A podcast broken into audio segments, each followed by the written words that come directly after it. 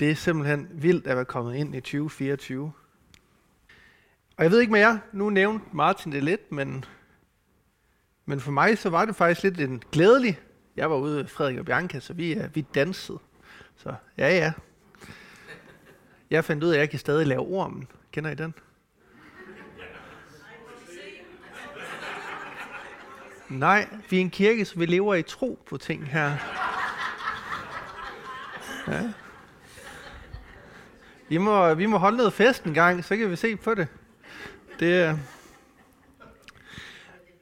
men det var også lidt en vemodig nytår for mig.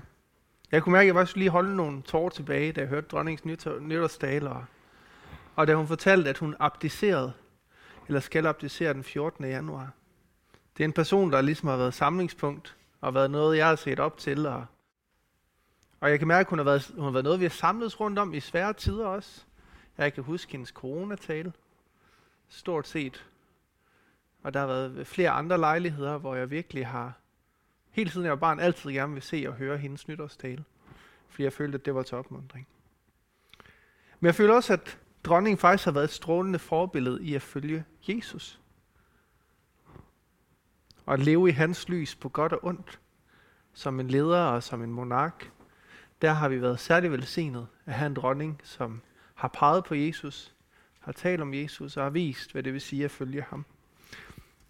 Og selvom jeg ikke er en del af, og vi ikke er en del af folkekirken, så tænkte jeg, at jeg meget gerne vil have lov til at bede en kort bøn for hendes majestæt, dronning Margrethe, den anden af Danmark, og for hendes aftager, som så bliver, ja nu er han hans kongelige højhed, men som bliver Frederik den 10. af Danmark. Så kan vi ikke lige samles og bøje hovederne i bøn for, for vores kongehus? Herre Jesus, jeg takker dig, fordi at vi har gode ledere her i landet. Og herre, du ser det her afskifte, der skal være nu. Og herre, vi ønsker at takke dig for den tjeneste, og for det lys og det forbillede, som dronning Margrethe har været. Og så lægger jeg bare kronprins Frederik frem i dine hænder. At han må have lov til at komme til dit skød. Han må få lov til at finde dig, ligesom hans mor har og at du må være tæt ved ham i hans tjeneste og i hans rolle som monark her i vores land, Jesus. Amen. Yes. Som kirke, så synes jeg, vi kan se tilbage på, på et, et mega spændende år. Det har været et år, hvor der har været åbnet op efter corona. Yes, det har været fedt. Vi har kunnet samles og mødes. Øhm, men det har også været et år, hvor jeg synes, Gud har gjort helt vanvittigt mange ting i vores lille, hyggelige menighed her. Og jeg glæder mig. Hvad var det, var det Martin sagde der, med, at vi kunne se, at man skulle være et, et lys for hinanden, eller et ham der er 60-årig. Ja, netop. Det vil sige, det synes jeg, I har nået alle sammen. Jeg kan se Jesus gennem jer. Jeg kan stort set komme i tanke om episode med hver eneste her i kirken, hvor jeg tænkte, wow, her er nogle mennesker, der vandrer tæt sammen med Jesus. Hvor er det fedt at kunne være en del af. Og det synes jeg bare, I skal glæde jer over og være stolte over. Det synes jeg faktisk, vi kan sige. På hver vores måde vel og mærket. Men uanset, glæder jeg mig over at kunne se Jesus i jer. Jeg synes også, vi har kunne se Jesus i dem, vi er, gennem det, vi gør. Ude i byen. Måden, vi er på, når vi møder mennesker, der ikke har noget med kirke at gøre men også i måden, vi er sammen på, og måden, vi behandler hinanden på, måden, vi taler til hinanden, måden, vi tør håndtere ting her. 2023 blev også en, et år, hvor vi fik startet en vanskelig proces med snak om seksualetik, og hvad vores værdier som kirke er. For nogen så var det befriende, for andre så var det en forbandelse. Sådan er vi virkelig forskellige. Øhm. Men selvom det var en svær følelsesmæssig snak, og selvom jeg heller ikke egentlig er sikker på, om vi kan komme til enighed om sådan et vanskeligt emne, så er jeg stolt over at være en del af fællesskabet, hvor vi tør tale om tingene. For Guds rige må være et rige, hvor der er plads til ærlig samtale. til åbenhed og nysgerrighed over for hinandens synspunkter. Jeg tror ikke, at Guds rige er noget, der er færdig kortlagt og låst fast i beton. Jeg tror faktisk, at Guds rige er en eventyrsrige. Er et rige for opdagelsesrejsende. Og et rige for alle Guds nysgerrige børn. Du fylder mig med undren, sang vi. Guds nysgerrige børn. Og netop det oplever jeg også, at det er præcis hvad søndagens tekst handler om, som vi hørte om, at det er Jesus, der møder de små børn, som tilhører ham og som får lov til at sidde i hans skød. Så lad os læse teksten sammen, før jeg går for dybt ind i det her. Og det er i Markus evangeliet, kapitel 10, vers 13 til og med 16, til dem, der har Bibelen med. Markus 10, 13 til 16.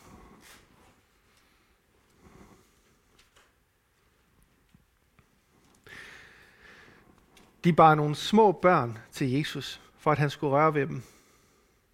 Disciplene truede af dem, men da, da Jesus så det, blev han vred og sagde til dem, Lad de små børn komme til mig. Det må ikke hindre dem i. For Guds rige er deres. Sandelig siger jeg, den der ikke modtager Guds rige ligesom et lille barn, kommer slet ikke ind i det. Og han tog dem i favn og lagde hænderne på dem og velsignede dem. Det her tema med børn, det er et tema, der fylder lidt meget for mig helt personligt i mit liv lige nu. For dem, der er udforstående, og det kan der være nogen, der er, så venter til jer og jeg vores første, som kan komme i dag, i morgen og en måneds tid frem, vi må se. Øhm. Så det, det er lidt sjovt at få det her ting, for det er faktisk noget, jeg går og tænker ret meget over, sjovt nok. Men det har også givet anledning til at tænke over, hvad vil det sige at være et barn? Det ved ikke, om det er bare mig, men jeg skal pludselig passe på en. Og hvad vil det sige at være den person, jeg skal passe på? For det er tydeligt, at det med at være barn, det er i hvert fald noget, der er enormt vigtigt for Jesus. Han har den her sætning, den, der ikke modtager Guds rige ligesom et lille barn, kommer slet ikke ind i det. Det er virkelig en hæftig udtalelse. Så hvad prøver Jesus at sige her? Jeg har gennem mit liv arbejdet i øh, uh, SFO en del år. Jeg har været startet teenklub op. Jeg har arbejdet med Betweens på lejre. Jeg har endda brugt 3-4 år som vikar først, og så derefter medhjælper i vuggestuer og børnehaver. Og så tænkte jeg, hvad i alverden er så fællesnævneren? Hvis nu vi skal samle alle de her oplevelser og erfaringer, man har, og jeg skulle finde en sådan overordnet fællesnævner for børn. Og der vil sige, at det jeg kom frem til, det er, at børn de er nysgerrig. Om de er åbne eller nysgerrige, begge dele. Børn, de ser ikke race. Altså, de ser ikke, om du ser sjov eller De ser bare, at der er en anden person, der vil dem. Det er det fede ved børn. De ser ikke, hvis du har et forkert tøj på eller rigtigt tøj på. Der er en åbenhed. Der er bare en nysgerrighed over for, hvem er du, og hvad er du for en størrelse. Og specielt små børn, så snart de lærer at tale, så kommer der bare en lind strøm af spørgsmål til alt og alle omkring. Vi arbejder med folk øh, med børn, der var 8 måneder op på et tidspunkt. Og da de ramte de halvanden to år, de begyndte at tale, så snart de lærte at sige nogle sætninger, så begyndte spørgsmålet bare at komme. Hele tiden. Og de udforsker verden gennem alt. De gør alting af en udforskning, alting af en opdagelse. Og særligt gennem leg, også det man kalder for rolleleg. Altså rolleleg, det er jo, man leger med andet andet. Vi har de her lege, med far, mor og børn cowboy indianer, der spiller man, nu er jeg far og mor og børn. Og det gør børn for at prøve at forstå verden, for at prøve at udforske verden og sætte sig ind i, hvad er det for en verden, vi voks lever i, og hvordan kan vi komme derind og forstå den. Så laver de her rolleleje. Og når man går tur med små børn, så skal man tage sig god tid. Går man bare skal 500 meter, men pludselig så er der den her sten her, og den er bare så spændende. Og de sætter en magiske sten op, og de kigger på den. Og så nogle gange så vælger det en ret stor sten, som jeg ender med at bære. Men en ting er sikkert, det er, at de skal have den her sten med hjem. For den er simpelthen så spændende og magisk, og de har brug for at have mulighed for at udforske og beundre den her totalt ligegyldige sten, øh, spændende sten. Og det er simpelthen fascinerende. Der er noget i børn, der gør, at selv en ligegyldig sten er super vigtigt at skulle udforske og finde ud af, hvad det er for en størrelse. Og siger man noget, der ikke giver helt mening til mindre børn, så kommer der prompte et, hvorfor det? Og hvis vi giver så prøver at give et eller andet svar, jamen det er også øh, et eller andet forbi, et eller andet, altså, og det ikke er tilfredsstillende nok, så kommer der bare et nyt. Hvorfor det? Og det, det fik mig til at tænke på rumpenisserne fra Astrid Lindgrens Ronny Røvedatter. Har I set, har I set dem og hørt dem? Ja. Jeg, jeg så lige hurtigt klippet lige for, for, uh, for at friske det op. Og det er Ronja, hun er ude at gå i skoven. Og så pludselig så laver hun et hul i de her rumpenissers tag. Og de kommer ud. Og så bliver hun bare havlet ned med, hvor, hvor, hvor, hvor, hvorfor det? Hvorfor det? Hvorfor det? Hvor, hvor, hvor, hvorfor det? Hvorfor ødelægger du os tag? Hvorfor gik du på det? Hvorfor det? Hvorfor det? Og jeg sad virkelig og grinede og tænkte, jeg tror virkelig, det her Astrid Lindgrens, det er hendes karikatur af små børn. Hun har lige været sammen med, med nogle små børn og tænkt, rumpenisser, det er netop det, de er. Hvorfor det? Hvorfor det? Hvorfor det? Hvorfor det? Børn har nemlig en naivitet over for verden, som er magisk. Alt er til for at blive udforsket. Der er en umiddelbar glæde over det at undre sig, over det at være nysgerrig. Og det her med at stille spørgsmål for børn, det handler faktisk ikke så meget om at få et svar, for så at komme videre og så glemme det igen.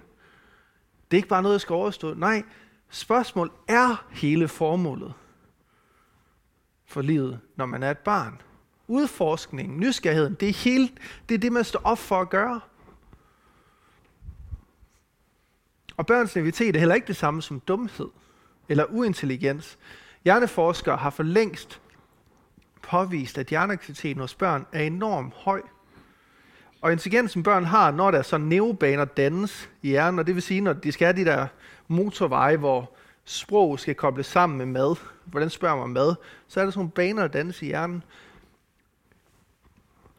På mange måder, så det der sker i de tidspunkter, den intelligens, det kræver at koble de ting sammen, det overgår faktisk lidt intelligensen hos voksne mennesker. Som 4-5-årig havde jeg lært at tale fire forskellige sprog næsten. Jeg talte i hvert fald to godt. Og det var ikke, fordi jeg begyndte tidlig i skole. Det var ikke, fordi jeg var sådan særlig klog i forhold til andre. Men det var, fordi jeg boede i Kongo, hvor jeg var nødt til at skulle tale norsk med mine forældre. Det var vigtigt. Fransk med de fleste af mine nabobørn. Super vigtigt, når man skal lege sammen, at kunne tale sammen. Yes. Men så var jeg også nødt til at tale lidt lingala med nogle af børnene på den ene side af landsbyen, og nødt til at tale lidt tække med nogle af dem, der boede på den anden side af byen. Og den eneste grund til at lære det, var det, fordi jeg har brug for at kunne sproget, for at kunne dele den her udforskning. Det her eventyr at være et barn med nogle andre. Så det lærte jeg. Og så glemte jeg det fuldstændig igen, når jeg kom til Danmark. Lidt tragisk. Men børns naivitet og den her brand kommer fra troen på, at verden faktisk er værd at udforske. Det gør det virker lidt ligegyldigt. Det tror jeg faktisk er en enormt vigtig ting. At vi har troen på, at Gud skabte verden er værd at udforske. Og børn har en helt speciel tilgang til, børn, nej, til Gud. For deres relation med Gud er et sted, hvor der bare er plads. Der er plads til undren. Der er plads til spørgsmål. Der er plads til nysgerrighed. Der er plads til bare at komme, og så have tillid til, at jamen, Gud han, det er han styr på. Jeg kan bare komme som barn til ham. Så skal han nok sørge for resten. Lad de små børn komme til mig. Det må jeg ikke hindre dem i. For Guds rige er deres. Det er allerede deres. Og når vi som voksne finder ind i den her nysgerrighed og undren, ved I hvad, så finder vi et rige, der allerede er vores. Jeg synes, det er fantastisk. Når vi åbner os op for at være nysgerrige på, hvem Gud han er, så finder vi, at Gud han er større end vores vildeste fantasi. At vi ikke kan sætte ham i små bokser. Bokse hedder det på dansk. For Guds kærlighed rækker længere end selv de yderste horisonter, læser vi i Bibelen. Hans nåde er dybere end selv de dybeste have. Og så alt det, der er imellem de yderste horisonter og de dybeste have, ved I hvad? Det er skabt for os til at udforske, til at gå på eventyr i, som børn af Gud. Og som børn af Gud, der vil os det godt, og som har skabt det her til os. Ja, det er altså ret fantastisk.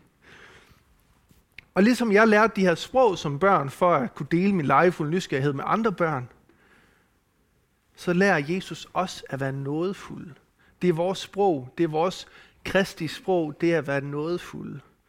Og at elske hinanden, så når vi kan dele vores opdagelsesrejse med hinanden og med andre.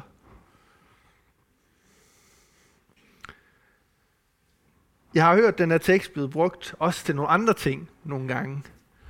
Øhm. Ja.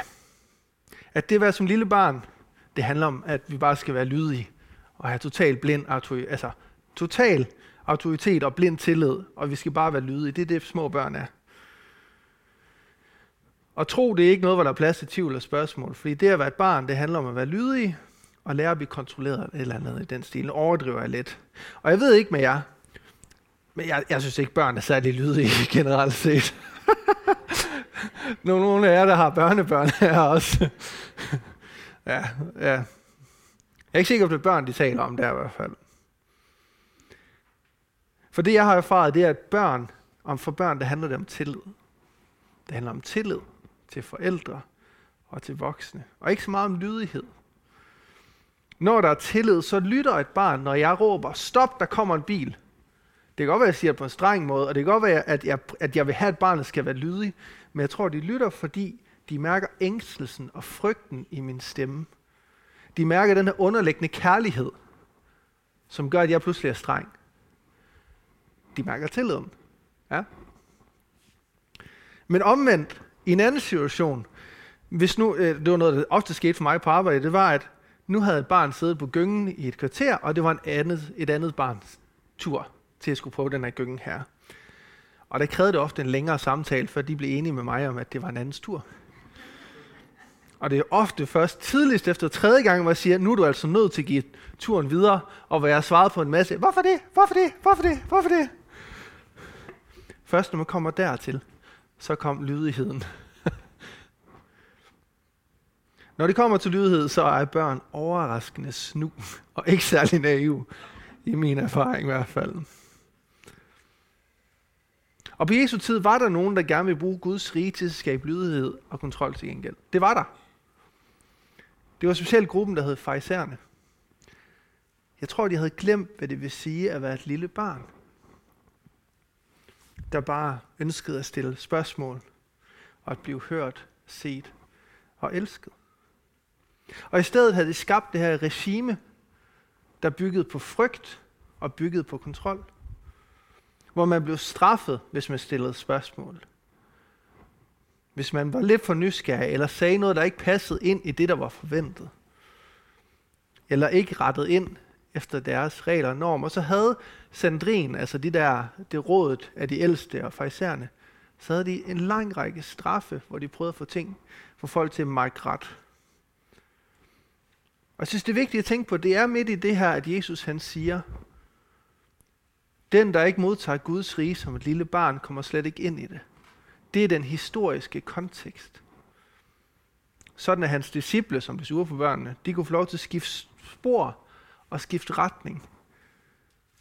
Fra det regime, de var vokset op i, til et andet rige, som Jesus prøvede at åbenbare for dem og vise dem gennem hans liv, død og genopstandelse.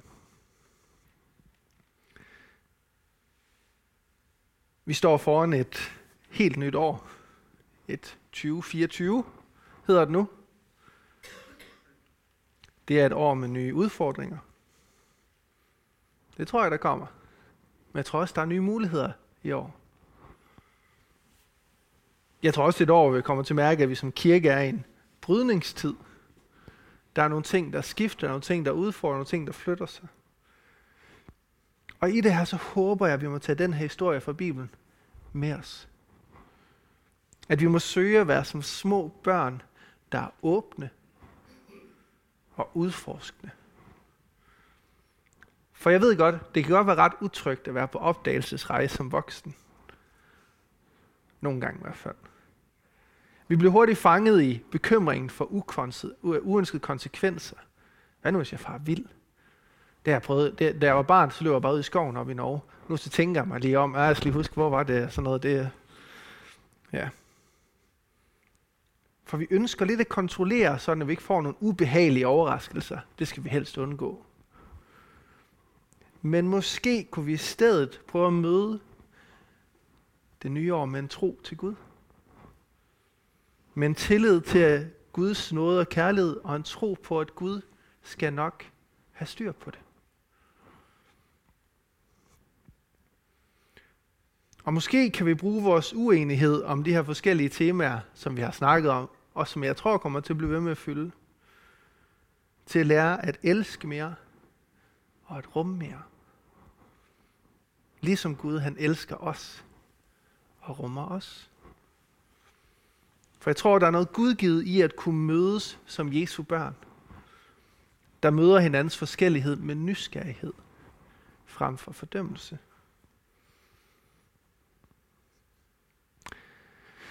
Jeg har lyst til at afslutte med at bede, men før jeg gør det, så har jeg virkelig lyst til at tyvstjæle et citat fra dronningens nytårstale, og nu har jeg hørt så mange andre, der har stjålet det også, men det gør jeg også.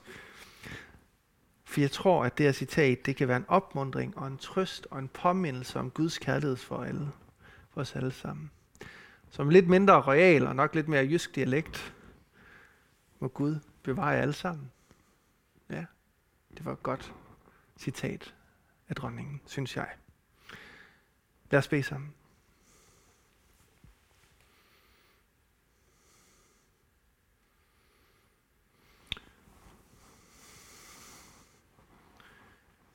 Herre Jesus Kristus, vi kommer frem for dig som din kirke, som din menighed. Vi kommer med vores syndige natur, med alt det, der er forfærdeligt og dårligt i os, og vi kommer med alt det gode i os, alt det positive. Herre, tag imod alt, der er os. Lad det blive en hyldest og en tilbedelse for dig i år, Herre. Og hjælp os til at møde verden og hinanden med den barnlige undren og nysgerrighed. Herre, hjælp os at blive ligesom børn,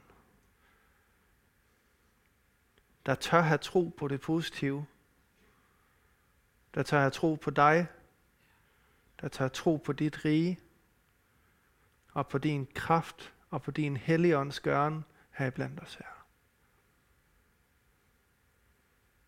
Fyld os, led os, sæt retningen for os her, Jesus. Amen.